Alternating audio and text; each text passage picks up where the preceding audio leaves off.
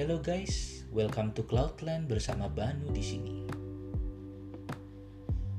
Belakangan ini seluruh dunia sedang digemparkan dengan munculnya virus pandemik COVID-19.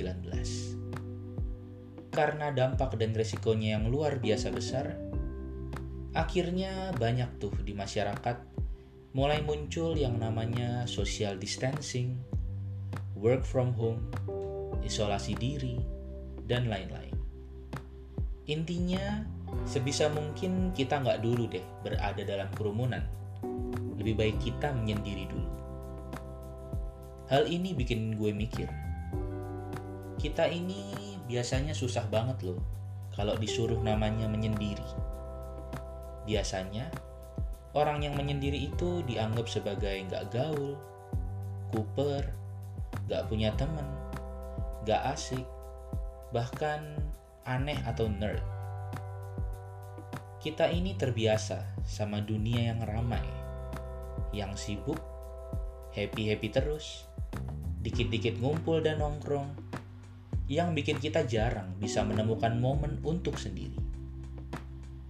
Lama-lama, hal-hal ini bikin kita itu seakan anti sama yang namanya being alone atau sendiri. Di otak kita, kalau bawaannya ngomongin kata sendiri itu udah negatif. Seringkali kita mikir, kalau gue sendiri nanti gue takut. Kalau gue sendiri nanti gue kesepian. Nanti apa kata orang? Akhirnya itu yang tertanam dalam otak kita. Gue gak mau sendiri. Mulai deh kan terbentuk kultur kayak misalnya ngata-ngatain orang kalau dia jomblo kita sering dibilang sombong kalau misalkan nggak mau nongkrong. Terus kalau misalkan kita udah makin umur dan gak nikah-nikah kita diomongin perawan tua lah nggak laku-laku. Banyak deh kalau mau dijabarin satu-satu. Padahal lu harus ingat kalimat ini.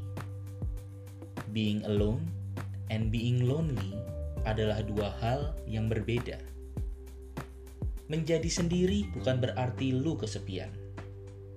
Menjadi sendiri bisa jadi adalah sebuah kebutuhan. Dan bahkan menjadi sendiri itu adalah sebuah pilihan. Bayangin deh, lu hidup di tengah segitu banyaknya keramaian. Entah di kampus, di kerjaan, di tongkrongan, di jalan, atau bahkan di rumah kalau kayak mesin, otak dan indera lu tuh memproses berjuta-juta input dari luar sana. Mereka juga butuh istirahat loh. Mereka juga butuh di refresh sekali-sekali. Inilah fungsinya being alone. Menjadi sendiri adalah saat di mana lu berproses secara internal. Ini adalah momen lu untuk rehat, berhenti sejenak dari panjangnya maraton hidup. Dan ini nggak salah sama sekali. You deserve it. Jangan takut untuk sendirian.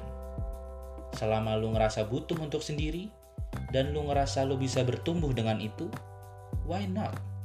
Take your time. Banyak orang justru karena nggak terbiasa untuk sendiri, giliran dituntut untuk sendiri malah jadi bingung malah nggak tahu mau ngapain, gelisah, insecure, panik.